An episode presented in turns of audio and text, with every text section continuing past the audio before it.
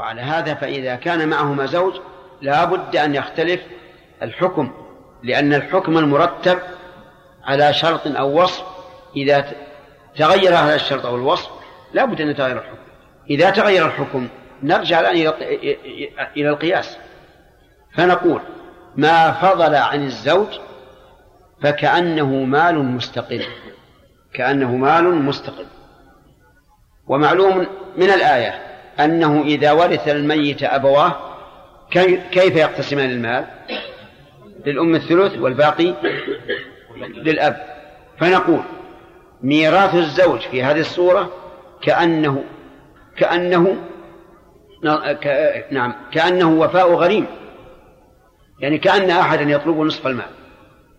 فنعطيه نصيبه ثم نقسم المال بعد ذلك على على فرائض الله. للأم الثلث والباقي للأب. وبهذا نعرف أن هذه الصورة لا تخالف القرآن بل توافقه قياسا و و ولا تخالفه مفهوما.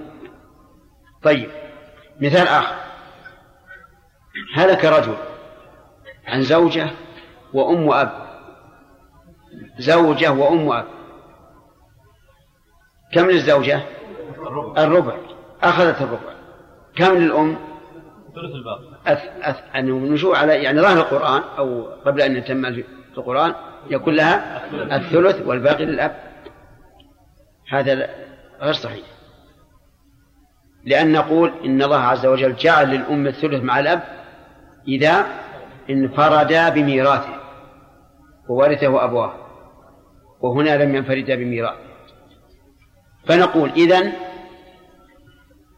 إذا تغير إذا إذا فقد الشرط فلا بد أن يتغير الحكم إذا تغير فلنقدر أن الباقي بعد فرض الزوج إيش؟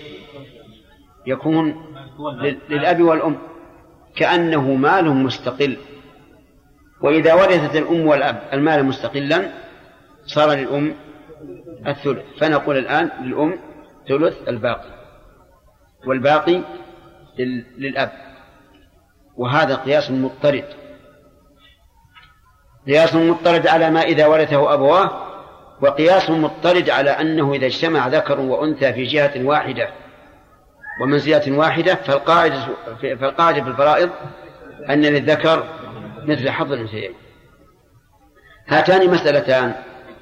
تسميان عند أهل الفرائض بالعمريتين بالعمريتين لأنه أو لأنهما آه، أول ما وقعتا في عهد عمر رضي الله عنه. يعني لم تقع في عهد النبي صلى الله عليه وسلم ولا في عهد أبي بكر. وقعتا في عهد عمر فقضى بهما. على أن للزوج فرضة سواء الزوجة أو الزوج وما بقي فللأم ثلثه وللأب الباقي. إيش؟ ارفع صوتك. قلنا في انها صوبه انها صوبه تثبت للمعتق نعم. وعصبته متعصبين بانفسهم نعم. فلو هلك هذا المولى عن بنت سيده لا ترث. لكن لو هلك عن ابن سيده يرث. إيش التفريق ما ما فهمت لأنه لأن الولاء ما فيه ميراث للنساء إلا المعتقة فقط. وهذا فيه خلاف لكن هذا الذي عليه الجمهور. نعم. ويجعل الأم إذا كان في الزوجة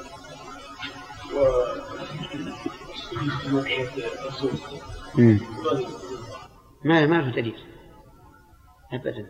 حتى مثلا إذا إذا قدمت من الزوجة أن للأم الثلث فهنا ادخال في الفرائض من كل وجه. الأب الآن لا يرث ميراث للذكر مع الأنثيين ولا تساوي الذكر أليس كذلك؟ لا. لأننا إذا قلنا من 12 المسألة للزوج للزوجة الربع ثلاثة باقي معنا تسعة. للزوجة للأم الثلث أربعة. وش يبقى معنا خمسة. الآن الأب. لا ورث ميراث التفضيل الذكر عن الأنثى ولا تسوية الذكر والأنثى ولا نظير لهذا الحكم في الفرائض. يكون هذا أشد مخالف نعم.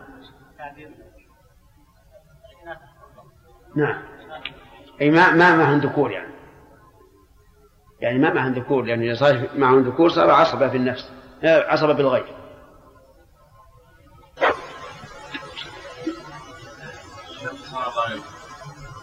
خرج عن القاعدة الظاهر ناخذ سؤال ها؟ قول لأولى رجل ذكر الرجل أولى رجل ذكر إذا كان صغير يعطى هذا المال ولا لا؟ إيه. لا يعطى المال إذا كان لا- صغير لأن العلة الذكورية وأما الرجل فهو بيان. بيان للحكمة والعلة. والمعتمد أنه ذكر. التعبير مع الغير وعصبة بالغير نعم. الأخوات مع الغير أي نعم. آه، لأن بالغير ألبى للسببية. فالبنات مع الأبناء والأخوات مع الأخوات. صرنا عاصبات بسبب هؤلاء. أما المعية في قول عصبة مع الغير فلأنه لا مناسبة بين بين بين البنات اللاتي يرثن بالفرض والأخوات.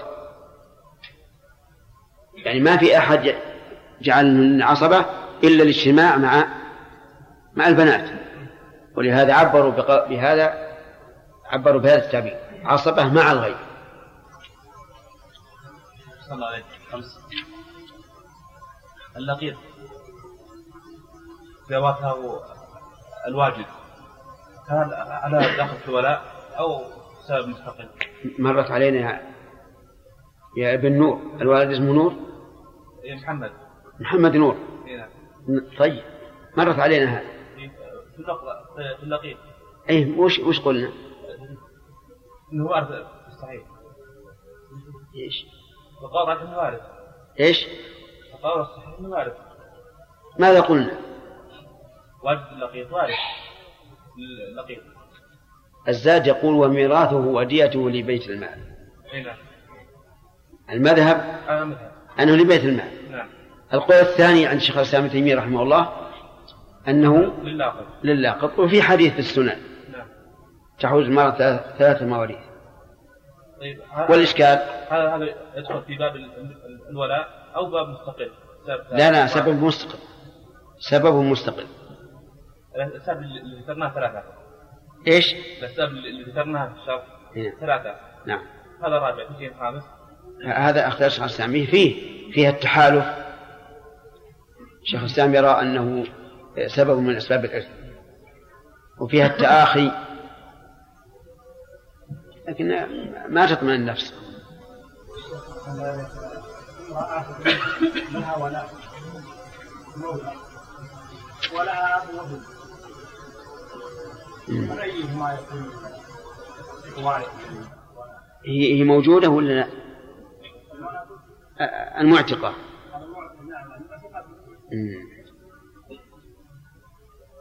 فصار عندنا ابن؟ وأب لو ماتت هذه المعتقة عن ابنها وأبيها فمن الوارث بالتعصيب؟ الابن؟ اجزم. والأب؟ بالفرض. كأنك على أرجوحة. ما ما ثبت. ثابت. طيب. بعض العلماء يقول أن الميراث هنا للابن فقط. لأنه لا لا فرض مع في في في- الولاء. والصحيح أنه أن للأب السدس وللإبن الباقي. وأنه في هذه الصورة يكون الميراث بالفرض في الولاء. نعم. مثل إيش؟ بنصف رجل نعم. الرجل لا. ما هو صحيح.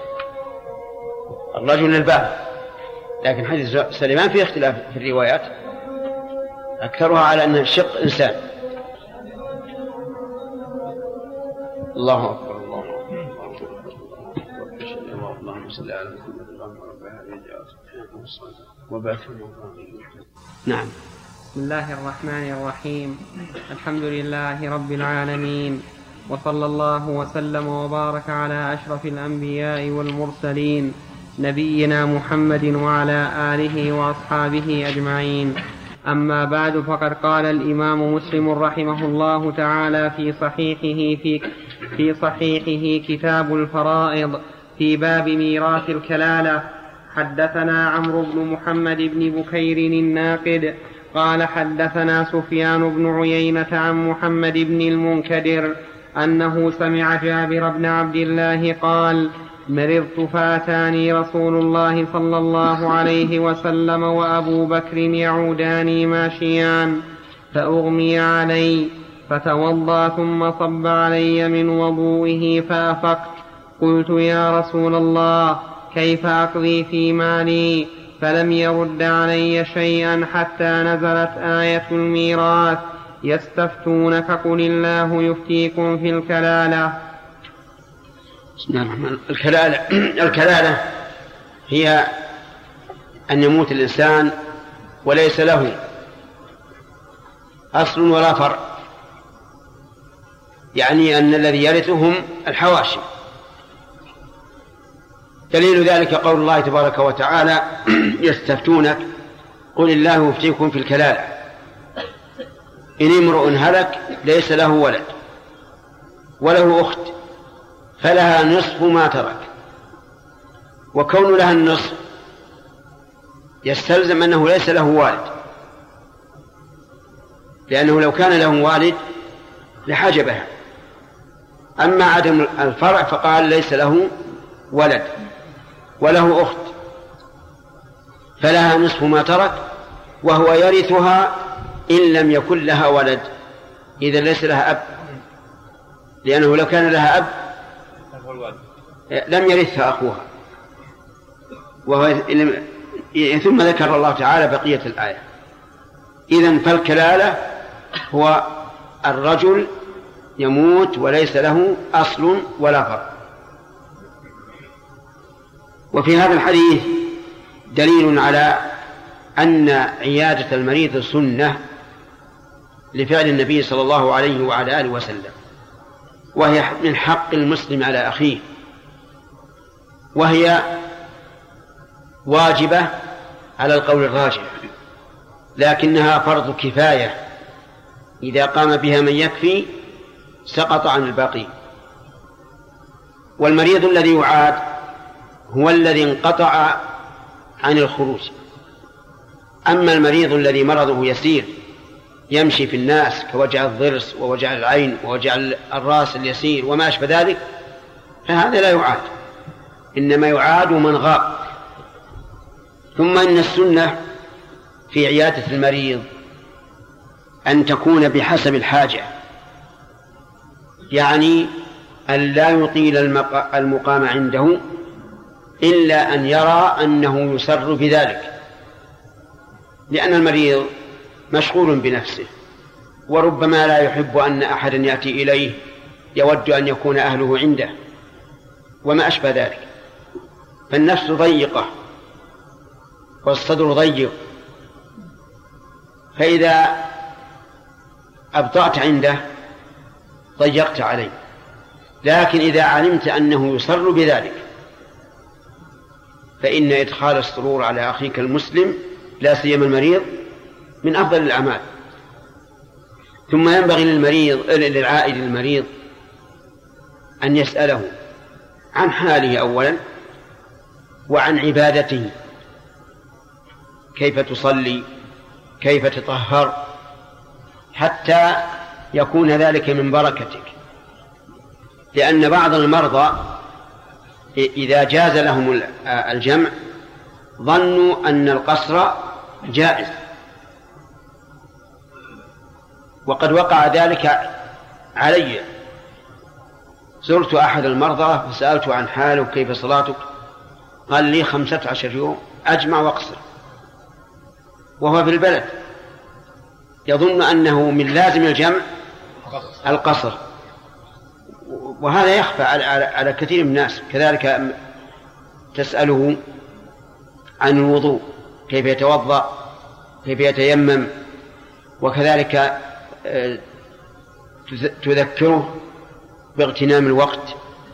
تقول أنت الآن فارغ ما عندك شغل لا في الدكان ولا في البيت ولا في السوق وما أشبه ذلك. اغتنم هذه الفرصة بكثرة العمل الصالح الذكر قراءة القرآن وما أشبه ذلك. وكذلك أيضا إذا كان ممن يداخل الناس كثيرا في البيع والشراء والأخذ والإعطاء تذكره. تذكره فتقول لا حرج عليك أن تذكر ما لك وما عليك لأنك لا تدري كم من إنسان مات وهو, وهو على فراشه صحيحا. فتذكر التوبة والوصية. وتنفس له في الأجل لا تقول والله مرضك هذا مرض خطير فلان مرض هالمرض وقعد يومين ومات وما أشبه ذلك. لأن بعض الناس يفعل هذا مسكين. هذا غلط. نفس له في الأجل. قل أنت اليوم خير من أمس. وأنت صادق. هو اليوم خير من أمس إذا كان صابرا لأنه يزداد أجرا. وخيرا عند الله عز وجل. وأيضا إذا كان أحد قد أصيب بمثل مرضه وشفي تذكر له. أو أو بغير أو بغير مرضه. تقول كم من إنسان أتوا له بالحنوط ووعدوا الغاسل وحفروا القبر ثم بقي سنين من أجل أن تدخل عليه السرور وهل تزوره كل يوم؟ الجواب هذا يختلف بحسب الناس. بحسب قربه منك وصلته بك وبحسب رغبته لكثرة الزيارة. قد يكون بعض الناس له حق عليك إن لم تكن عنده كل الزمن فلا أقل من الصباح والمساء. وقد يكون أيضا بعض الناس يرغب أن تزوره في الصباح والمساء.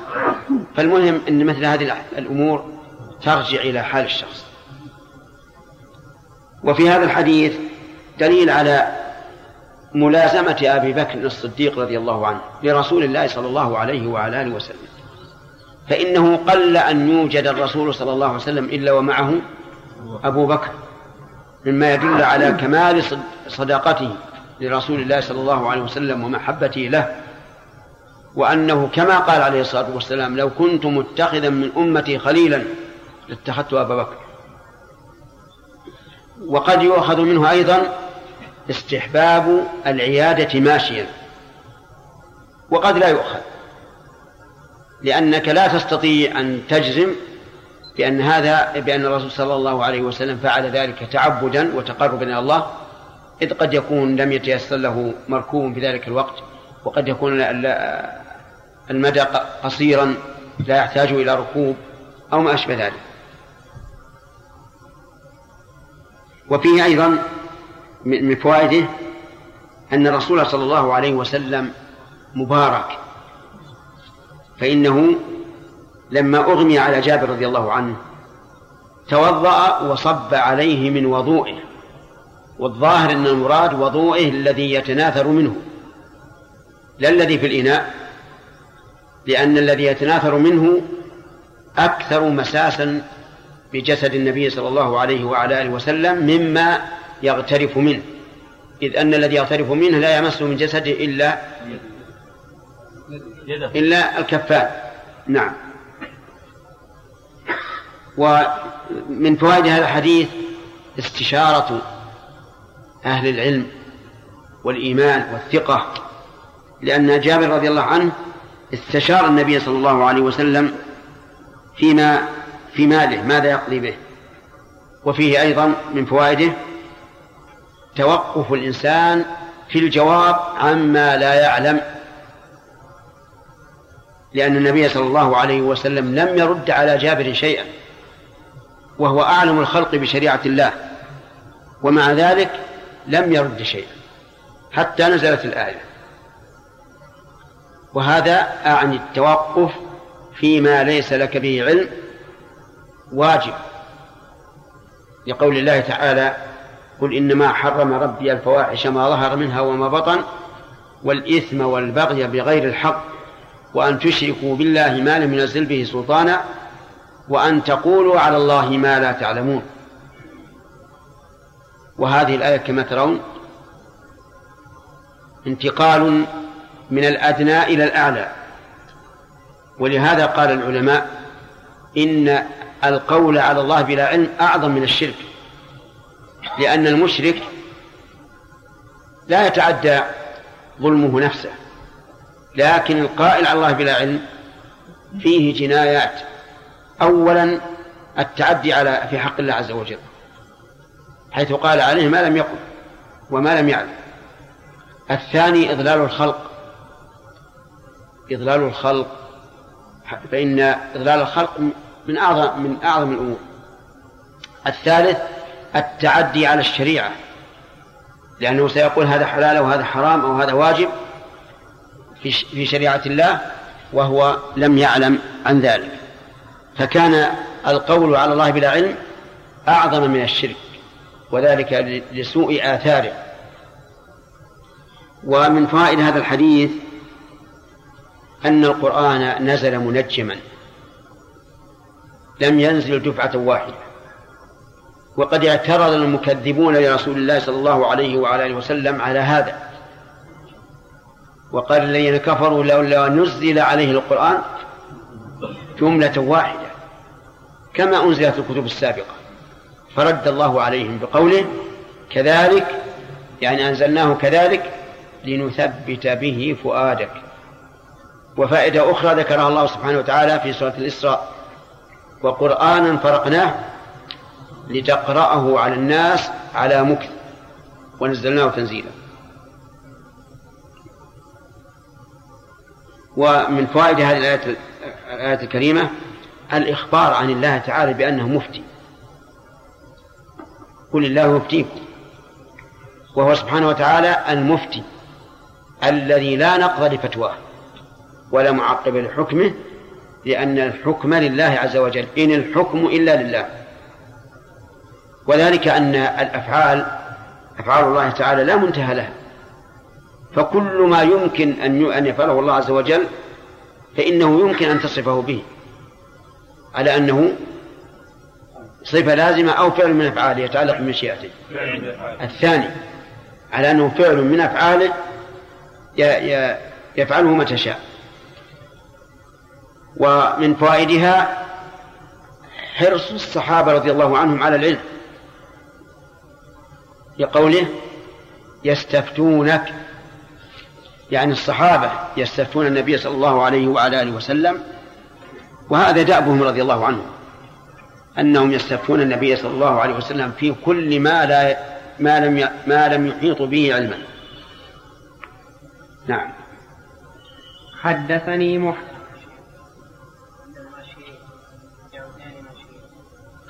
نعم. اقرأ.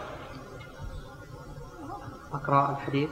لا مش استمر حدثني محمد بن حاتم بن ميمون. قال حدثنا حجاج بن محمد. قال حدثنا ابن جريج. قال أخبرني ابن المنكدر عن جابر بن عبد الله قال عادني النبي صلى الله عليه وسلم وأبو بكر في بني في بني في بني سلمة ماء عادني النبي صلى الله عليه وسلم وأبو بكر في بني سليمة يمشيان. فوجدني لا أعقل فدعا بماء فتوضأ ثم رش علي منه فأفقت فقلت كيف أصنع في مالي يا رسول الله؟ فنزلت يوصيكم الله في أولادكم للذكر مثل حظ الأنثيين يوصيكم الله في أولادكم للذكر مثل حظ الأنثيين وسواء كانوا من الأصل من الصلب الأدنى أو من الصلب الأنزل فابن وبنت للذكر؟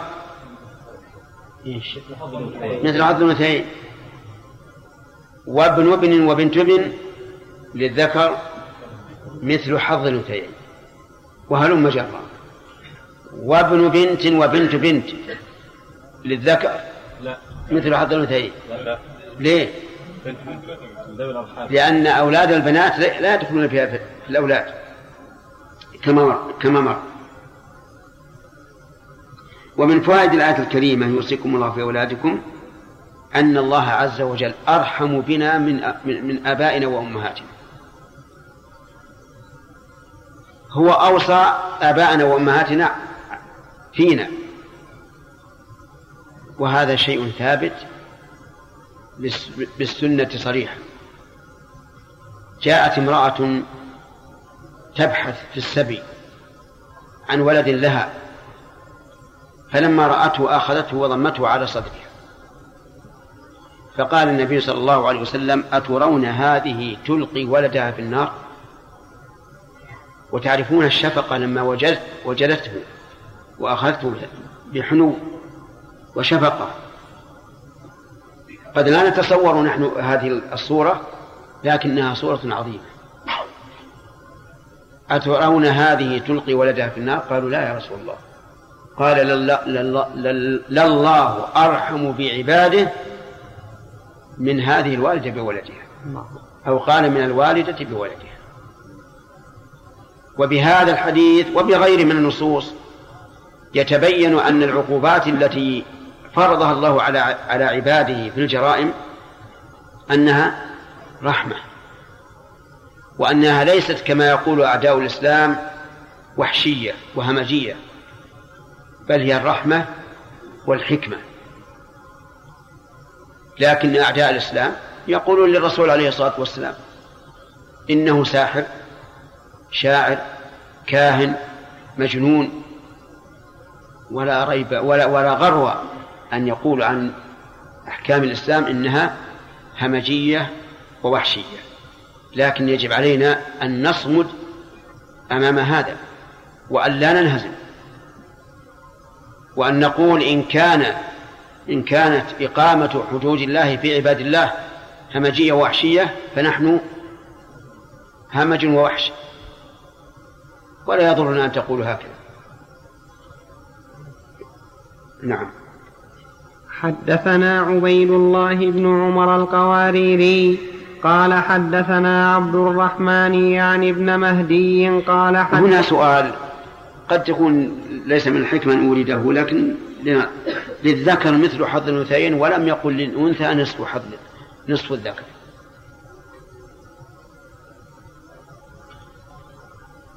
لأن التعبير بالأكثر والحظ أولى من التعبير أولى من التعبير بالأنقص. ولا يستقيم الكلام لو قال للأنثى نصف ما للذكر. لكن للذكر مثل الأنثيين هذا ذكر للزيادة. وهو أولى من ذكر النقص. هذه من جهة. من جهة أخرى ليتبين أن الرجل أحق بالتفضيل إذ أنه نص على تفضيله. لكن لو قلنا للأنثى نصف الذكر ليس نصا على على تفضيله ولكنه يؤخذ باللازم. لأنه إذا كان للأنثى النصف فمن لازم ذلك أن يكون الذكر أفضل منها أو مفضلا عليها. فالله أعلم بما أراد بكلامه. نعم. حدثنا عبيد الله بن عمر القواريري قال حدثنا عبد الرحمن يعني ابن مهدي قال حدثنا سفيان قال سمعت محمد بن المنكدر قال سمعت جابر بن عبد الله يقول عادني رسول الله صلى الله عليه وسلم وأنا مريض ومعه أبو بكر ماشيين فوجدني قد أغمي علي فتوضأ رسول الله صلى الله عليه وسلم ثم صب علي من وضوئه فافقت فإذا رسول الله صلى الله عليه وسلم فقلت يا رسول الله كيف أصنع في مالي؟ فلم يرد علي شيئا حتى نزلت آية الميراث. هذا صريح في أن الرسول صلى الله عليه وسلم صب عليه من الماء الذي توضأ منه. وعلى هذا فيكون ما شرحناه أولا مخالفا لظاهر اللفظ. ويكون البركة التي حصلت بماذا؟ بغمس النبي صلى الله عليه وسلم كفه في الإناء. لأن المعروف أن الرسول عليه الصلاة والسلام عند الوضوء إنما يكفئ الإناء عند أول غسل الكفين في أول الوضوء والباقي يغترف. حدثني محمد بن حاتم قال حدثنا بهز قال حدثنا شعبة قال أخبرني محمد بن المنكدر قال سمعت جابر بن عبد الله يقول دخل علي رسول الله صلى الله عليه وسلم وأنا مريض لا أعقل. فتوضأ فصبوا علي من وضوئه فعقلت. فقلت يا رسول الله إنما يرثني كلالة فنزلت آية الميراث. فقلت لمحمد بن المنكدر يستفتونك؟ قل الله يفتيكم في الكلالة. قال هكذا أنزلت. حدثنا إسحاق بن إبراهيم قال أخبرنا النضر بن شميل. شرح الجملة هذه. أي جملة؟ أحسن الله فقلت لمحمد. ما ذكر شيء ذكر ما قبله وما بعده.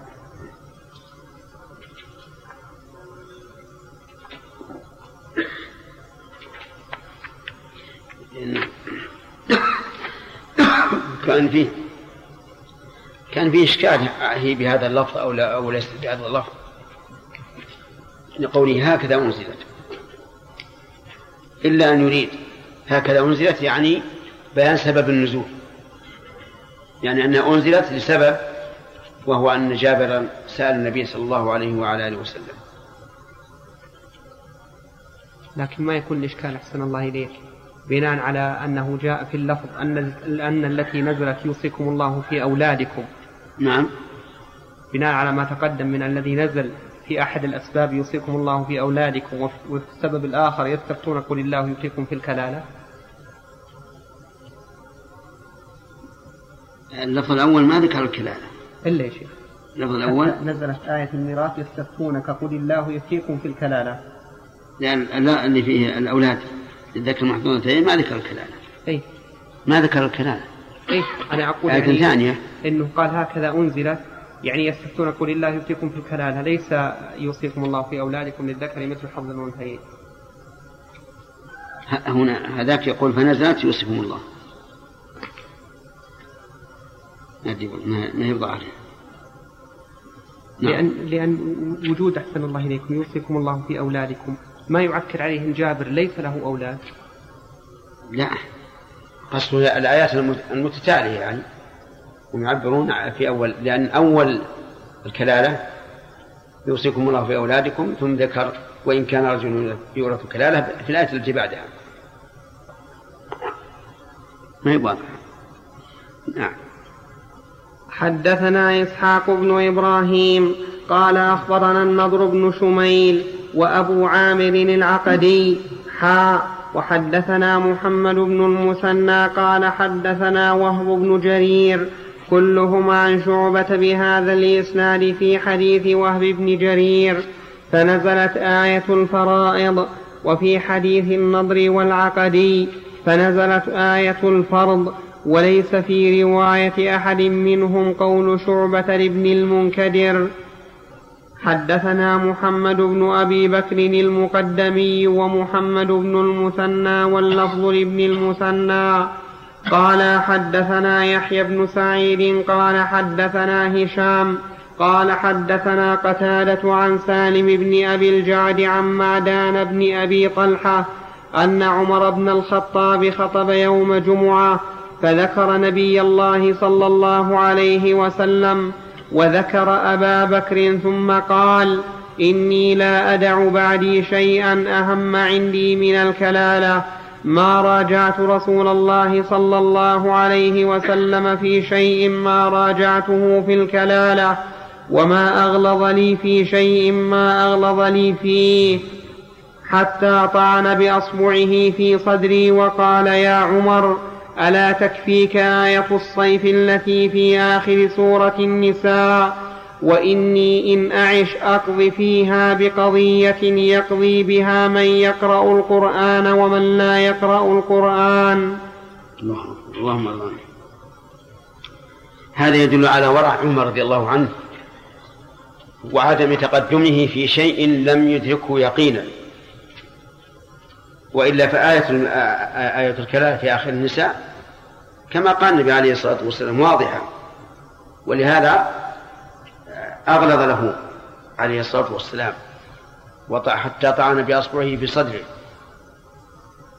الله نعم. وحدثنا أبو بكر بن أبي شيبة قال حدثنا إسماعيل بن علية عن سعيد بن أبي عروبة حا وحدثنا زهير بن حرب وإسحاق بن إبراهيم وابن رافع عن شبابة بن سوار عن شعبة كلاهما عن قتادة بهذا الإسناد نحوه. نعم. نعم. سبب النزول في حديث جابر ونزلت يستفتونك قل الله يفتيكم الثاني يا شيخ فنزلت يوصيكم الله في اولادكم هذا الايتين نزلت في سبب واحد؟ أحيانا نعم أحيانا يت- يتعدد السبب. يتعدد السبب. وأحيانا يقول آية آية الميراث. أحيانا يقول آية ال- ال- ال- الفرائض. أحيانا آية الفرض. هذا من اختلاف الرواة. لكن الأصل آه، لا يختلف. وهو أن جابر رضي الله عنه أشكل عليه فنزلت الآية في الكلالة. نعم. عندنا ثلاث آيات.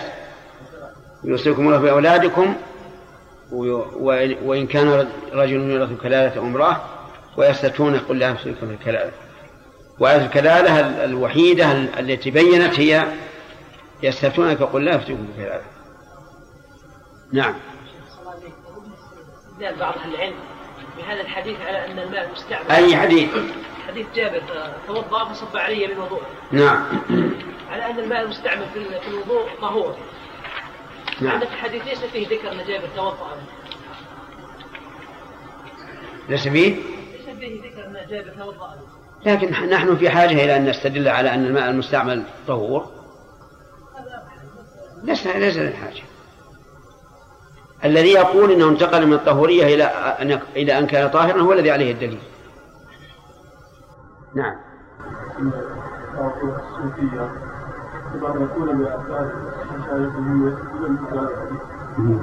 قلت هذا خاص بالنبي صلى الله عليه وسلم يحتاج إلى دليل نعم صدق الخصوصية تحتاج إلى دليل الدليل أن أبا بكر وعمر وعثمان وعلي وابن مسعود وابن عباس أفضل من أوليائه ومع ذلك يتبركون بهم أو لا؟ مع قيام المقتضي وانتفاء المانع. يكفي هذا ولا ما يكفي؟ نعم. نعم؟ سؤال مبتدي طيب. أي. أي حاء يعني تحويل السند. يريدون بهذا الاختصار بدل ما يسوقون السند والحديث يسوقون السند ثم يقول حاء يعني تحول من السند الأول إلى السند الثاني. أما حدثنا وأخبرنا فهذه عند عند المتقدمين لا فرق بينهم بينهم. وعند المتأخرين من علماء الحديث يفرقون بأن الحديث لمن سمعه من الشيخ والخبر أخبرنا أوسع من هذا. قد يطلق على من قرأ على الشيخ وقد يقرأ على وقد يطلق على من سمع من الشيخ. نعم. باب آخر آية أنزلت آية الكلالة. حدثنا علي بن خشرم قال أخبرنا وكيع عن ابن أبي خالد عن أبي إسحاق عن البراء قال آخر آية أنزلت من القرآن يستفتونك قل الله يفتيكم في الكلالة. مش حدثنا محمد بن المثنى وابن بشار قال حدثنا محمد بن جعفر قال حدثنا شعبة عن أبي إسحاق أنه قال سمعت البراء بن عازب يقول آخر آية أنزلت آية الكلالة وآخر سورة أنزلت براءة. حدثنا إسحاق بن إبراهيم الحنظلي قال أخبرنا عيسى وهو ابن يونس قال حدثنا زكريا عن أبي إسحاق عن البراء أن آخر سورة أنزلت تامة سورة التوبة وأن آخر آية أنزلت آية الكلالة. حدثنا أبو كريب قال حدثنا يحيى يعني ابن آدم قال حدثنا عمار قال حدثنا عمار وهو ابن زريق عن أبي إسحاق عن البراء بمثله غير أنه قال آخر سورة أنزلت كاملة حدثنا عمرو الناقد قال حدثنا أبو أحمد الزبيري قال حدثنا مالك بن مغول عن أبي السفر عن البراء أنه قال آخر آية أنزلت يستفتونك. الأحاديث في آخر ما نزل مختلفة. لكن أقرب ما يقال إن هذا الاختلاف باعتبار باعتبار النسبة. يعني آخر ما نزل من آيات من آيات المواريث يستفتون. وآخر ما نزل من آيات الربا واتقوا يوم ترجعون فيه إلى الله. وآخر ما نزل في الحديث عن المنافقين سورة براءة. وهكذا. وبهذا تجتمع الأدلة. وإلا لكان هناك تعارض. فيقال أن, أن الآخرية هنا آخرية نسبية. إذا قال قائل ما الفائدة من كون الصحابة رضي الله عنهم يذكرون آخر ما نزل؟ فالقول الفائدة هو أن الآخر يكون ناسخا للأول. فنستفيد بذلك إذا كان هناك تعارض بين الأول والآخر. باب من ترك مالا فلورثته. وحدثني زهير بن حرب قال حدثنا أبو صفوان الأموي عن يونس الأيلي حاء وحدثني حرملة بن يحيى واللفظ له. قال أخبرنا عبد الله بن وهب قال أخبرني يونس عن ابن شهاب عن أبي سلمة بن عبد الرحمن عن أبي هريرة أن رسول الله صلى الله عليه وسلم كان يؤتى بالرجل الميت عليه الدين فيسأل هل ترك لدينه من قضاء فإن حدث أنه ترك وفاء صلى عليه وإلا قال صلوا على صاحبكم. فلما فتح الله عليه الفتوح قال أنا أولى بالمؤمنين من أنفسهم فمن توفي وعليه دين فعلي قضاؤه. ومن ترك مالا فهو لورثته. الشاهد من الحديث قوله فهو لورثته. وفي هذا الحديث تعظيم الدين وأنه وأن الصلاة عليه وإن كانت شفاعة أي على الميت المدين وإن كانت شفاعة فإنها لا تنفع من الدين. ولهذا كان النبي صلى الله عليه وعلى آله وسلم إذا أتي بالرجل عليه الدين سأل هل ترك قضاء؟ إذا قالوا نعم صلى عليه. إذا ضمنه أحد صلى عليه كما في قصة أبي قتادة رضي الله عنه. إذا لم يضمنه أحد ولم يخلف لا يصلي عليه لأن صلاة النبي صلى الله عليه وسلم عليه شفاعة والمدين لا تنفع فيه الشفاعة باعتبار الدين لأنه حق للآدمي لا بد من استيفائه فأحب النبي صلى الله عليه وسلم أن لا يصلي على أحد إلا إذا كانت صلاته أي النبي صلى الله عليه وسلم تنجيه من كل شيء. وفيه أيضا آه، في أن الإنسان إذا مات وعليه دين وقد خلف رهنا فإنه لا لا يؤثر عليه. وهذا يقع كثيرا بالنسبة لنا هنا في السعودية. كثير من الناس الآن مدينون لصندوق التنمية العقارية ويموتون وعليهم أقساط. لم توفى. هؤلاء نقول إذا كانوا قد وفوا ما حل في حياتهم فهم بريئون من من الدين الباقي. لماذا؟ لأن به لأن به رهنا. لأن به رهنا. أما إذا كان قد بقي عليهم شيء لم يوفوه في حياتهم من الأقساط التي حلت فإن الدين متعلق بذممهم ولا بد من كفي ضامن يضمن وفيه أيضا قول من ترك مالا فلورثته استدل به العلماء على مسألة الرد مسألة الرد إذا كانت الفروض أقل من التركة فماذا نصنع؟ يعني إذا كانت الفروض أقل من التركة ولا عاصب فماذا نصنع؟ لو هلك هالك عن بنت وبنت بنت كمال معنى ولا رايح؟ ها أنت معنا ولا رايح؟ سارح ولا موجود؟ وش قلت؟ هلك هالك عن بنت وبنت بنت ولا عاصب له وترك مالا للبنت النصف المسألة من ستة للبنت النصف ثلاثة. ولبنت الابن السدس واحد. أربعة. باقي عندنا. وش باقي؟ باقي ثلث المال. اثنين من ستة. ماذا نصنع بها؟ يقول بعض العلماء وهو مذهب الشافعي يقول تكون في بيت المال. تكون في بيت المال. لأن الله فرض للبنت النصف ولبنت الابن السدس وقال ما أبقت الفروض فلأولى رجل ذكر وليس عندنا أولى رجل ذكر. إذن يكون لبيت المال. واختار الإمام أحمد رحمه الله مذهب الإمام أحمد وأبي حنيفة أنه يرد على البنتين. أي بنت البنت وبنت الابن. ويقال يقسم المال بدل من ستة يقسم على أربعة. للبنت ثلاثة ولبنت الابن واحد.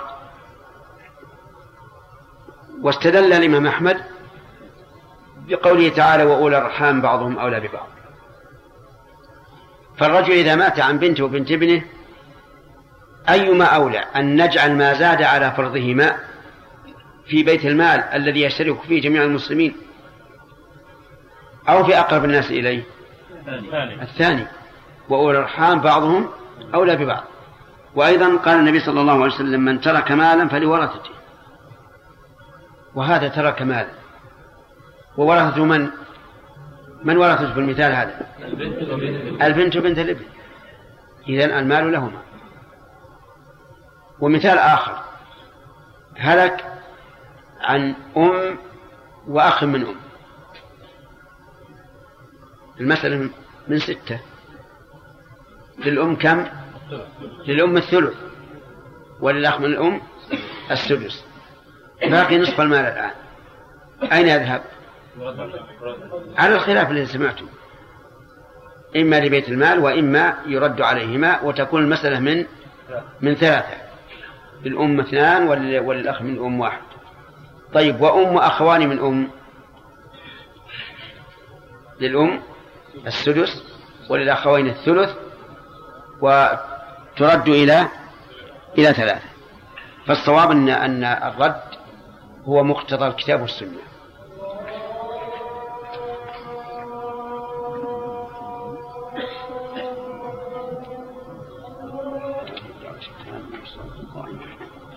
آت محمدا الوسيلة والفضيلة وآت مقام محمودا لمن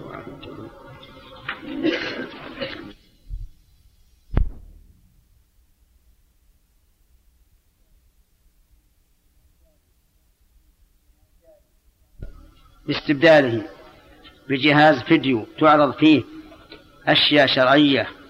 والأب والأب يؤجل ويقول دعني أفكر فما توجيهك للأب والابن؟ الله إذا حضر عندي وجهتهما. نعم. نقول له ما دام الرجل يفكر إن شاء الله يفكر بخير. ومشورة الابن طيبة يعني شورى الابن عليه بهذا طيب. ترى يحيى نبيك إن شاء الله. وهذا جزاع العنزي نيابة عن علي بن ذويب العنزي. أنت طيب. يقول امرأة كبيرة كبيرة في السن لا تعي ما ما تفعله من وضوء وصلاة وتخطئ في عدد الغسلات والركعات بشكل مستمر وأحيانا لا تدري أصلت أم لا فما الحكم في ذلك؟ وما الواجب على من يشرف عليها؟ هذه لا شيء عليها. ما دامت ليس عندها شعور ولا تحس بشيء ما ما عليه شيء. كالصبيب قبل التمييز. وهذا طه الباس. يقول سافرت إلى مكة لمدة أسبوع. أيهما أفضل؟ صلاة صلاة زوجة الفريضة في المسجد الحرام أم في محل إقامتها. صلاة النوافل بالنسبة لي. الأفضل لك ولزوجتك الصلاة في البيت. أنت النوافل وهي الفرائض والنوافل.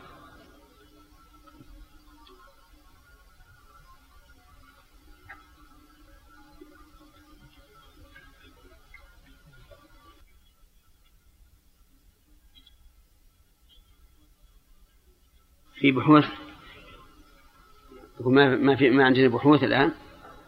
طيب. بسم الله الرحمن الرحيم. الحمد لله رب العالمين وصلى الله وسلم وبارك على عبده اللهم صل ورسوله وسلم. نبينا محمد وعلى آله وأصحابه أجمعين.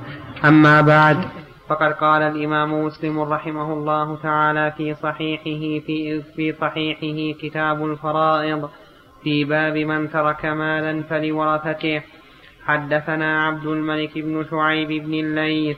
قال حدثني أبي عن جدي. قال حدثني عقيل. حا وحدثني زهير بن حرب. قال حدثنا يعقوب بن إبراهيم. قال حدثنا ابن أخي بن شهاب. حا وحدثنا ابن نمير. قال حدثنا أبي. قال حدثنا ابن أبي ذئب كلهم عن الزهري بهذا الإسناد هذا الحديث. حدثني محمد بن رافع قال حدثنا شبابة قال حدثني ورقاء عن أبي الزناد عن الأعرج عن أبي هريرة عن النبي صلى الله عليه وسلم أنه قال والذي نفس محمد بيده إن على الأرض من مؤمن إلا أنا أولى الناس به. فأيكم ما ترك دينا أو ضياعا فأنا مولاه. وأيكم ترك مالا فإلى العصبة من كان. في هذا الحديث يقول عليه الصلاة والسلام إن على الأرض من مؤمن إلا أنا أولى الناس به. إن هذه نافية ومؤمن من مؤمن مبتدأ مؤخر وعلى الأرض خبر مقدم والتقدير ما على الأرض مؤمن إلا أنا أولى الناس به. وقول ترك دينا أو ضياعا فأنا مولاه. الضياع هم الصغار الذين يضيعون إذا لم يكن لهم ولي والدين معروف. فأنا مولاه وهذا بعد أن فتح الله عليه الفتوح فصار صلى الله عليه وسلم يقضي ديون أهل المدينين وقوله من ترك وأيكم ترك مالا فإلى العصبة من كان وفي. وفي اللفظ الأول يقول عليه الصلاة والسلام قال. مالا فلورثته وبينهما فرق إلا أن يحمل العموم في قول فلورثته على العصبة فلا إشكال. ولكن قد يكون ورثة غير عصبة. فلنرجع إلى اللفظ الأول. اللفظ الأول فيه فوائد لم نتكلم عليها. فيه أن الإمام له أن يدع الصلاة على من ترك دينا لا وفاء له. لفعل النبي صلى الله عليه وعلى آله وسلم. وهل ذلك عام لكل إمام مسجد؟ أو لمن صلاته تعتبر تأديبا؟ الجواب الثاني. لأننا لو قلنا إنه عام لكل إمام مسجد لحصل في هذا فتنة إذا كان الإمام ليس بذاك الرجل الوجيه في البلد. فإن الناس سوف يتناولونه بألسنتهم وربما يحصل عليه عدوان من أولياء الميت. لكن إذا كان الرجل له قيمته في المجتمع وله وجاهته ويعتبر تخلفه عن الصلاة على هذا الميت يعتبر تأديبا ويوجب رهبة من الناس فهذا ينبغي له أن يفعل تأسيا برسول الله صلى الله عليه وعلى آله وسلم. ومن أجل أن يخفف الناس من التهاون في الديون. وفي قوله من ترك مالا فلورثته دليل على الرد وقد تقدم الكلام عليه. وقلنا إن القول الراجح من أقوال العلماء هو إيش؟ القول بالرد. ولكن هل الرد يشمل الرد على الزوجين بمعنى لو هلك هالك عن زوج وبنت. كان للبنت النصف وللزوج الربع. فهل نقول إن المسألة ترد إلى ثلاثة ويكون للبنت الثلثان وللزوج الثلث بالرد؟ في هذا خلاف بين العلماء. نعم. أقول لا خلاف بين العلماء أن الزوجين لا يرد عليهما. وعلى هذا فيكون للزوج الربع فقط والباقي للبنت فرضا وردا. وأما الزوجان فلا يرد عليهما بالإجماع كما حكاه صاحب المغني وصاحب العدل الفائض وغيره أيضا من وغيره من أهل العلم. وأما ما ذكر عن عثمان رضي الله عنه أنه رد على زوج ماتت امرأته ولم يكن وارث غيره فحمله العلماء على الصورة التي لا تخالف الإجماع وهو أن هذا الزوج إما عاصب وإما ذو رحم إما عاصب كابن العم مثلا وإما ذو رحم كابن الخال وما أشبه ذلك. وما وقع في الاختيارات من قسمة مسألة ذكرها صاحب الاختيارات فإن الظاهر أنها سهو حيث كان فيها الرد على الزوج.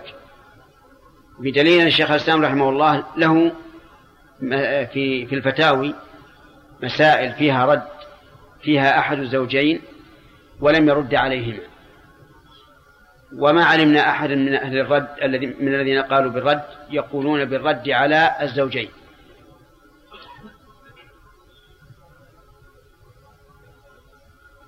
نعم. حدثنا محمد بن رافع قال حدثنا عبد الرزاق قال أخبرنا معمر عن همام بن منبه قال هذا ما حدثنا أبو هريرة عن رسول الله صلى الله عليه وسلم فذكر أحاديث منها وقال رسول الله صلى الله عليه وسلم أنا أولى الناس بالمؤمنين في كتاب الله عز وجل. فأيكم ما ترك دينا أو ضيعة فادعوني فأنا وليه. وأيكم ما ترك مالا فليؤثر بماله عصبته من كان. حدثنا عبيد الله بن معاذ العنبري قال حدثنا أبي قال حدثنا شعبة عن عدي أنه سمع أبا حازم عن أبي هريرة عن النبي صلى الله عليه وسلم أنه قال من ترك مالا فللورثة ومن ترك كلا فإلينا. وحدثنيه أبو بكر بن نافع قال حدثنا غندر حا وحدثني زهير بن حرب قال حدثنا عبد الرحمن يعني ابن مهدي قال حدثنا شعبة بهذا الإسناد غير أن في حديث غندر ومن ترك كلا ومن ترك كلا وليته.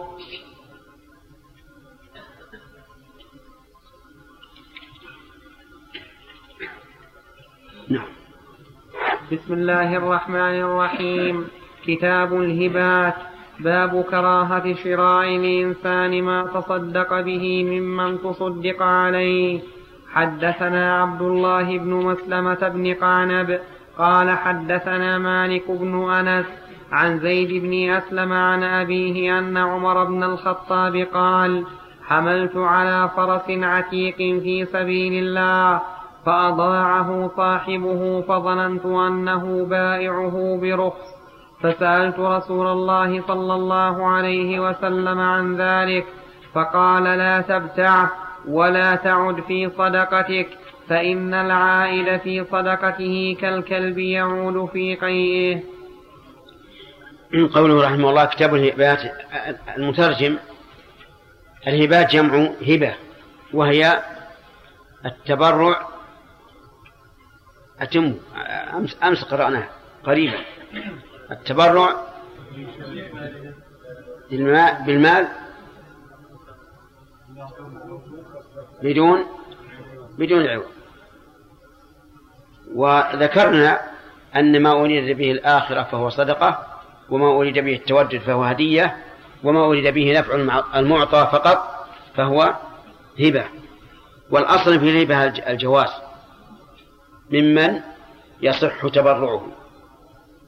لكن أحيانا لا بد فيها من شروط.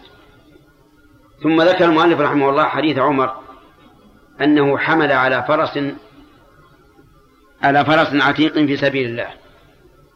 العتيق الجيد.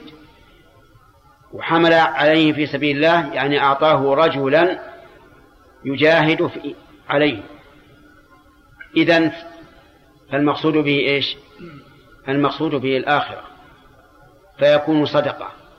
يعني لم يقصد بر هذا الرجل المحض وإنما أراد الآخرة. ثم إن الرجل أضاعه يعني أهمله. ولم ولم يقم به على الوجه الأكمل. ف فكأنه عرضه للبيع. وظن عمر أنه يبيعه برخص لأنه زاهد فيه. فعمر رضي الله عنه كأنه صار في نفسه شيء. فسأل النبي صلى الله عليه وسلم عن ذلك فقال عليه الصلاة والسلام لا تبتع لا تبتعه ولا تعد في صدقتك. يعني لا تشتري ولا تعد في صدقتك.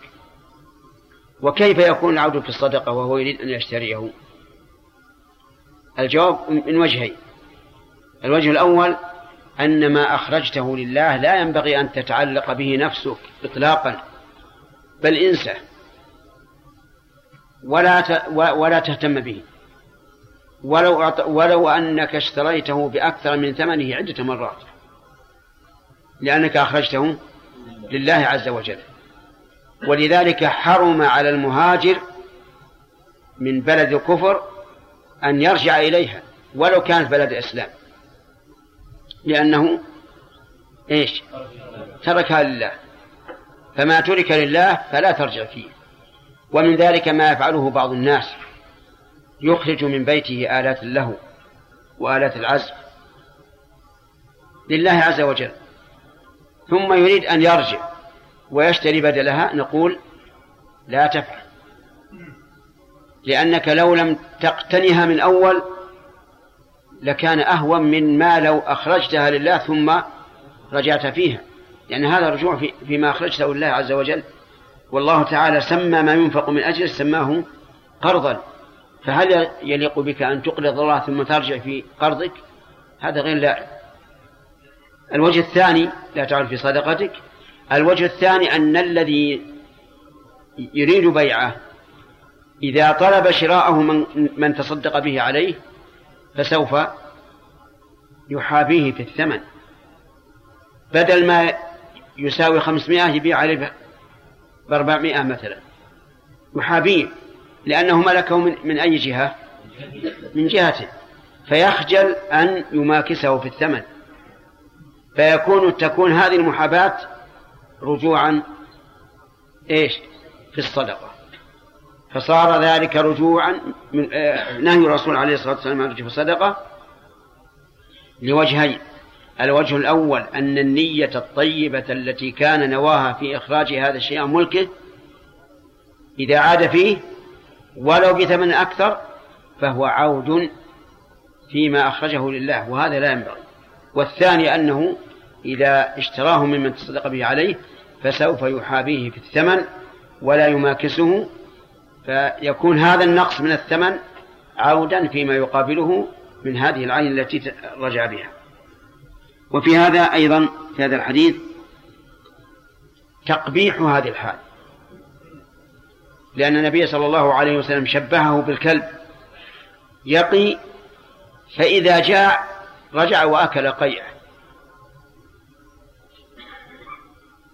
فإذا قال قائل كيف يشبه الرسول عليه الصلاة والسلام؟ الصدقة بقيء الكلب. قلنا كلا ما شبهها بقيء الكلب. بل شبه رجوع هذا بإيش؟ برجوع الكلب في قيئه وبينهما فرق عظيم. والمقصود من هذا التشبيه هو التنفير والتقبيح حتى لا يحاول أحد أن يكون مشابها للكلب في هذه الفعلة القبيحة. يستثنى من هذا من الرجوع في الهبة. الأب فيما يعطي ولده. أقول الرجوع في الهبة. الأب فيما يعطي ولده. يستثنى من ذلك المرأة تعطي زوجها شيئا من مالها مخافة أن يطلقها ثم يطلقها أو مخافة أن يتزوج عليها ثم يتزوج عليها. فلها الرجوع في ذلك. لأن الملحوظ كالمشروط. فهي إنما أعطته ليش؟ لتدفع هذا الخوف عن نفسها. فإذا كانت إنما أعطته لهذه الملاحظة فإنه إذا خالف لها أن ترجع. نعم.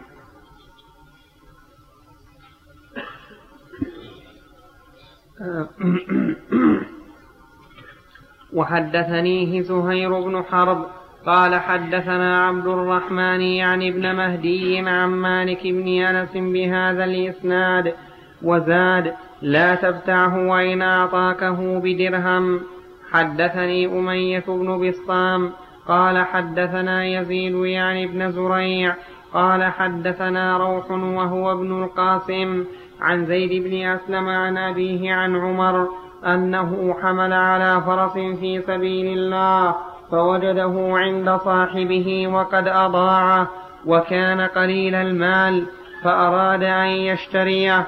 فأتى رسول الله صلى الله عليه وسلم فذكر ذلك له فقال لا تشتره فقال لا تشتره وإن أعطيته بدرهم فإن مثل العائد في صدقته كمثل الكلب يقو كمثل الكلب يعود في قيئه. وحدثناه ابن أبي عمر قال حدثنا سفيان عن زيد بن أسلم بهذا الإسناد غير أن حديث مالك وروح أتم وأكثر. حدثنا يحيى بن يحيى قال قرأت على مالك عن نافع عن ابن عمر أن عمر بن الخطاب حمل على فرس في سبيل الله فوجده يباع فأراد أن يبتاعه فسأل رسول الله صلى الله عليه وسلم عن ذلك فقال لا تبتعه ولا تعد في صدقتك. وحدثناه قتيبة بن سعيد وابن رمح جميعا عن الليث بن سعد. حاء وحدثنا المقدمي ومحمد بن المثنى. قال حدثنا يحيى وهو القطان. حاء وحدثنا ابن نمير قال حدثنا أبي.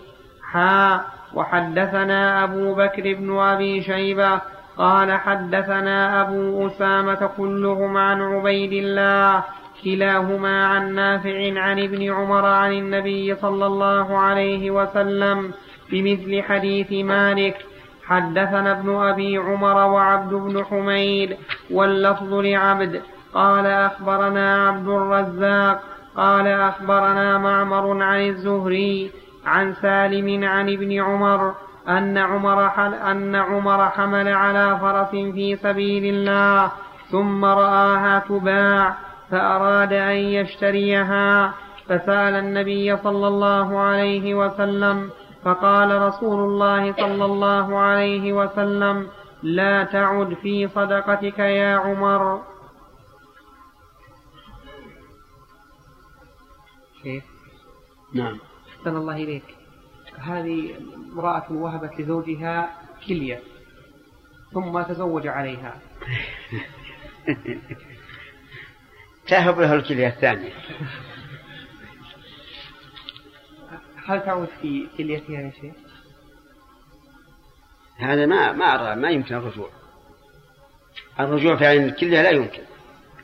وقيمتها ليس لها قيمة لأنها هي مما لا قيمة له. إذ أن القيمة إنما تكون فيما يباع والآدمي لا يباع إلا ما كان من كان رقيقا. نعم يا سليم.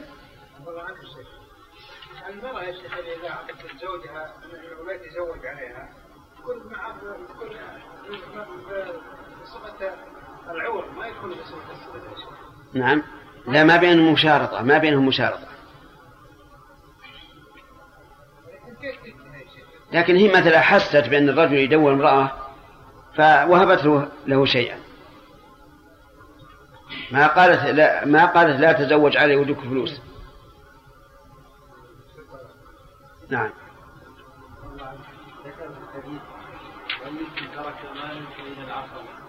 قلنا هذا ممكن في الحديث نعم أيكم ترك مالا بين العصباء من كان. قلنا ممكن يخصص الحديث الأول العموم ما يشكل على الاستدلال به في مسألة الرد. لا لا قلنا نأخذ بالعموم. قلنا لا نقيد الأول بالعموم لأن الأول دلالته أكثر. أفهمت؟ أي نعم. شيخ أحسن الله إذا كان صاحب الصدقة هو الذي عرض للمتصدق أن يشتري منه. الذي أخذ الصدقة عرض الصدقة للمتصدق أن يشتري منه. نعم. فهل له ذلك؟ ليس له ذلك. ثلاثة. نعم. باب تحريم الرجوع في الصدقة والهبة بعد القبض. إلا ما وهبه لولده وإن, وإن, وإن, وإن سفل. حدثني إبراهيم بن موسى الرازي وإسحاق بن إبراهيم. قال أخبرنا عيسى بن يونس. قال حدثنا الأوزاعي عن أبي جعفر محمد بن علي عن ابن المسيب عن ابن عباس أن النبي صلى الله عليه وسلم قال مثل الذي يرجع في صدقته كمثل الكلب يقيء ثم يعود في قيئه فيأكله. وحدثناه أبو كريب محمد بن العلاء قال أخبرنا ابن المبارك عن الأوزاعي قال سمعت محمد بن علي بن الحسين يذكر بهذا الإسناد نحوه. وحدثنيه حجاج بن الشاعر قال حدثنا عبد الصمد قال حدثنا حرب قال حدثنا يحيى وهو ابن أبي كثير. قال حدثني عبد الرحمن بن عمرو أن محمد بن فاطمة بنت رسول الله صلى الله عليه وسلم حدثه بهذا الإسناد نحو حديثهم. وحدثني هارون بن سعيد الأيلي. محمد بن فاطمة. تكلم عليه.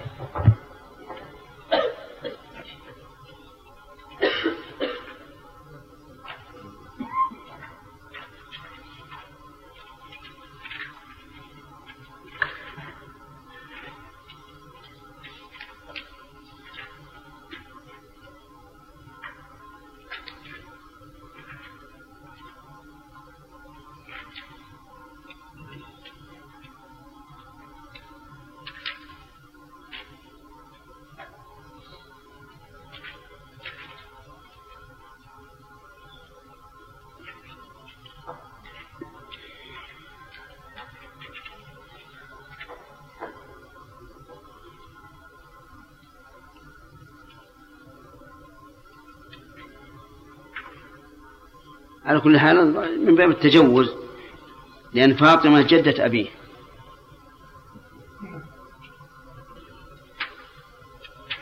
تكلم فقط عن هبة الأب لولده.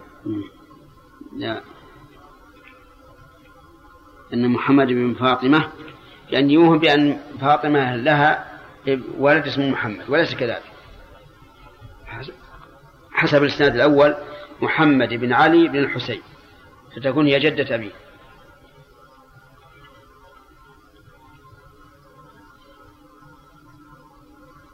وحدثني هارون بن سعيد الأيلي وأحمد بن عيسى قال حدثنا ابن وهب قال أخبرني عمرو وهو ابن الحارث عن بكير أنه سمع سعيد بن المسيب يقول سمعت ابن عباس يقول سمعت رسول الله صلى الله عليه وسلم يقول إنما مثل الذي يتصدق بصدقة ثم يعود في صدقته كمثل الكلب يقيء ثم يأكل قيئه. وحدثناه محمد بن المثنى ومحمد بن بشار قال حدثنا محمد بن جعفر قال حدثنا شعبة قال سمعت قتادة يحدث عن سعيد بن المسيب عن ابن عباس عن النبي صلى الله عليه وسلم أنه قال العائد في هبته كالعائد في قيئه. وحدثناه محمد بن المثنى قال حدثنا ابن أبي عدي عن سعيد عن قتادة بهذا الإسناد مثله. وحدثنا إسحاق بن إبراهيم قال أخبرنا المخزومي قال حدثنا مهيب قال حدثنا عبد الله بن طاووس عن أبيه عن ابن عباس عن رسول الله صلى الله عليه وسلم أنه قال العائد في هبته كالكلب يقيء ثم يعود في قيئه. قال بعض العلماء أن عود الأب في هبته لابنه لم يدخل في هذا الحديث أصلا. نعم. النهي. لأن النهي يشمل العائد في هبته إذا خرجت من ملكه ودخلت في ملك الموهوب غير نعم. وأما الأب إذا وهب لابنه فإنها لم تخرج من الملك من ملك الأب؟ من ملك الأب. غلط. هذا غلط عظيم. الله قال ولأبويه لكل واحد منهم السدس مما ترك فجعل الولد له مال.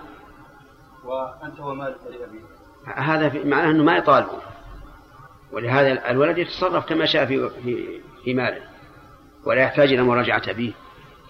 لا هذا غلط. وهم. إن كان أحد قال به فهو وهم. نعم. الله لو عليه نعم. لو المتصدق عليه تصرف الصدقة ببيع أو هبة هل يجوز لي أن أشتريها من رجل آخر؟ من, من الآخر؟ على الوجه الأول الذي ذكرناه أنه أخرجها لله فلا ينبغي أن تتعلق به نفسه. لا لا يجوز لا يجوز. وعلى الوجه الثاني وهو خوف أن يحابيه فينزل له من الثمن يجوز. يقول خالد عبد الرزاق. خالد عبد الرزاق. نعم.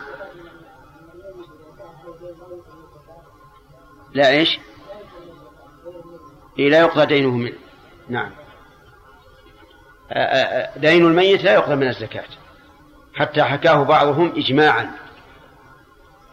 ولكن الإجماع ليس لم يثبت لأن فيه خلاف فيه خلافا لكن لا شك أن القول في جواز قضاء دين الميت من الزكاة قول ضعيف.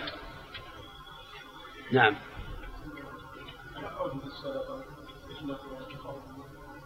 يشمل الفريضة والنافلة. نعم. يشمل الزكاة والتطوع. أحسن الله إليك. ما ذكر حديث يوافق جزء الترجمة؟ نعم. ما ذكر حديث يوافق جزء الترجمة؟ اي ما هو ما ما هو على على شرط مسلم. إلا الوالد هذا في السنن. إلا الوالد فيما يعطي ولده. وهذا مما يدل والله أعلم على أن مسلما رحمه الله لم لم يترجم الكتاب. وهو كذلك. مسلم ما كتب تراجم الكتاب. باب كراهة تفضيل بعض الأولاد في الهبة. حدثنا يحيى بن يحيى قال قرأت على مالك عن ابن شهاب عن حميد بن عبد الرحمن وعن محمد بن النعمان بن بشير يحدثانه عن النعمان بن بشير أنه قال إن أباه أتى به رسول الله صلى الله عليه وسلم فقال إني نحلت ابني هذا غلاما كان لي. فقال رسول الله صلى الله عليه وسلم أكل ولدك نحلته مثل هذا؟ فقال لا. فقال رسول الله صلى الله عليه وسلم فأرجعه. وحدثنا يحيى بن يحيى قال أخبرني إبراهيم بن سعد عن ابن شهاب عن حميد بن عبد الرحمن ومحمد بن النعمان عن النعمان بن بشير أنه قال أتى بي, أب أتى بي أبي إلى رسول الله صلى الله عليه وسلم فقال إني نحلت ابني هذا غلاما فقال أكل بنيك نحلت قال لا قال فاردده وحدثنا أبو بكر بن أبي شيبة وإسحاق بن إبراهيم وابن أبي عمر عن ابن عيينة. حاء وحدثنا قتيبة وابن رمح عن الليث بن سعد. حاء وحدثني حرملة بن يحيى. قال أخبرنا ابن وهب. قال أخبرني يونس. حاء وحدثنا إسحاق بن إبراهيم وعبد بن حميد. قال أخبرنا عبد الرزاق قال أخبرنا معمر كلهم عن الزهري بهذا الإسناد. أما يونس ومعمر ففي حديثهما أكل بنيك وفي حديث الليث وابن عيينة أكل ولدك ورواية الليث عن محمد بن النعمان وحميد بن عبد الرحمن أن بشيرا جاء بالنعمان. حدثنا قتيبة بن سعيد قال حدثنا جرير عن هشام بن عروة عن أبيه قال حدثنا النعمان بن بشير قال وقد أعطاه أبوه غلاما فقال له النبي صلى الله عليه وسلم ما هذا الغلام؟ قال أعطانيه أبي. قال فكل إخوته أعطيته كما أعطيت هذا؟ قال لا. قال فرد. حدثنا أبو بكر بن أبي شيبة قال حدثنا عباد بن العوام عن حسين عن الشعبي قال سمعت النعمان بن بشير. حا وحدثنا يحيى بن يحيى واللفظ له. قال أخبرنا أبو الأحوص عن حسين عن الشعبي عن النعمان بن بشير. قال تصدق علي أبي ببعض ماله. فقالت أمي عمرة بنت رواحة لا أرضى حتى تشهد رسول الله صلى الله عليه وسلم فانطلق أبي إلى النبي صلى الله عليه وسلم ليشهده على صدقتي. فقال له رسول الله صلى الله عليه وسلم أفعلت هذا بولدك كلهم؟ قال لا. قال اتقوا الله واعدلوا في أولادكم. فرجع أبي فرد تلك الصدقة. حدثنا أبو بكر بن أبي شيبة قال حدثنا علي بن مسهر عن أبي حيان عن الشعبي عن عن النعمان بن بشير. حا وحدثنا محمد بن عبد الله بن نمير واللفظ له. قال حدثنا محمد بن بشر قال حدثنا أبو حيان التيمي عن الشعبي قال حدثني النعمان بن بشير أن أمه بنت رواحة سألت أباه بعض الموهوبة بعض الموهوبة من ماله لابنها فالتوى بها سنة ثم بدا له فقالت لا أرضى حتى تشهد رسول الله صلى الله عليه وسلم على ما وهبت لابني فأخذ أبي بيدي وأنا يومئذ غلام. فأتى رسول الله صلى الله عليه وسلم فقال يا رسول الله إن أم هذا بنت رواحة أعجبها أن أشهدك على الذي وهبت لابنها. فقال رسول الله صلى الله عليه وسلم يا بشير ألك ولد سوى هذا؟ قال نعم. فقال أكلهم وهبت له مثل هذا؟ قال لا. قال فلا تشهدني إذا. فقال فلا تشهدني إذا فإني لا أشهد على جور. حدثنا ابن نمير. قال حدثني أبي. قال حدثنا إسماعيل عن الشعبي عن النعمان بن بشير أن رسول الله صلى الله عليه وسلم قال ألك بنون سواه قال نعم. قال فكلهم أعطيت مثل هذا؟ قال لا. قال فلا أشهد على جور. حدثنا إسحاق بن إبراهيم. قال أخبرنا جرير عن عاصم الأحول عن الشعبي عن النعمان بن بشير أن رسول الله صلى الله عليه وسلم قال لأبيه لا تشهدني على جور. حدثنا محمد بن المثنى قال حدثنا عبد الوهاب وعبد الأعلى حا وحدثنا وحدثنا ابن إبراهيم ويعقوب الدورقي جميعا عن ابن علي واللفظ ليعقوب. قال حدثنا إسماعيل بن إبراهيم عن داود بن أبي هند عن الشعبي عن النعمان بن بشير أنه قال انطلق أبي انطلق بي أبي يحملني إلى رسول الله صلى الله عليه وسلم فقال يا رسول الله اشهد أني قد نحلت النعمان كذا وكذا من مالي. فقال أكل بنيك قد نحلت مثل ما نحلت النعمان؟ قال لا. قال فأشهد على هذا غيري. ثم قال أيسرك أن يكونوا إليك في البر سواء؟ قال بلى. قال فلا إذن. حدثنا أحمد بن عثمان النوفلي. قال حدثنا عزهر قال حدثنا ابن عون عن الشابي عن النعمان بن بشير أنه قال نحلني أبي نحلا ثم أتى بي إلى رسول الله صلى الله عليه وسلم ليشهده. فقال أكل ولدك أعطيته هذا؟ قال لا. قال أليس تريد منهم البر مثل ما تريد من ذا؟ قال بلى. قال فإني لا أشهد. قال ابن عون. فحدثت به محمدا. فقال إنما تحدثنا أنه قال قاربوا بين أولادكم.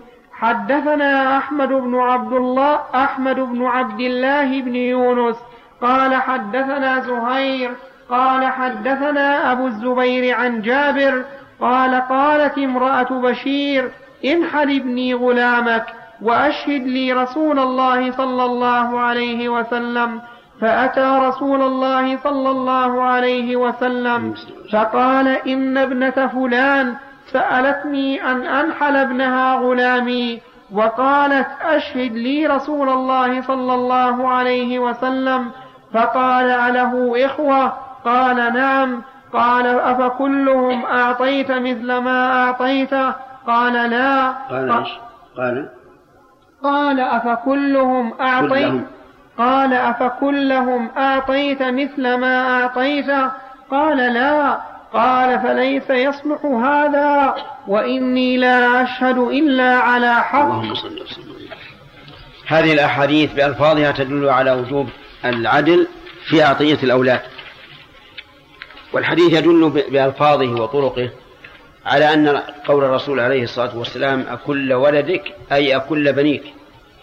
لأن في بعض الألفاظ ألك بنون أله إخوة. وهذا يعني أن العطية التي وقعت من بشير بن سعد رضي الله عنه على لابنه النعمان كان له إخوة.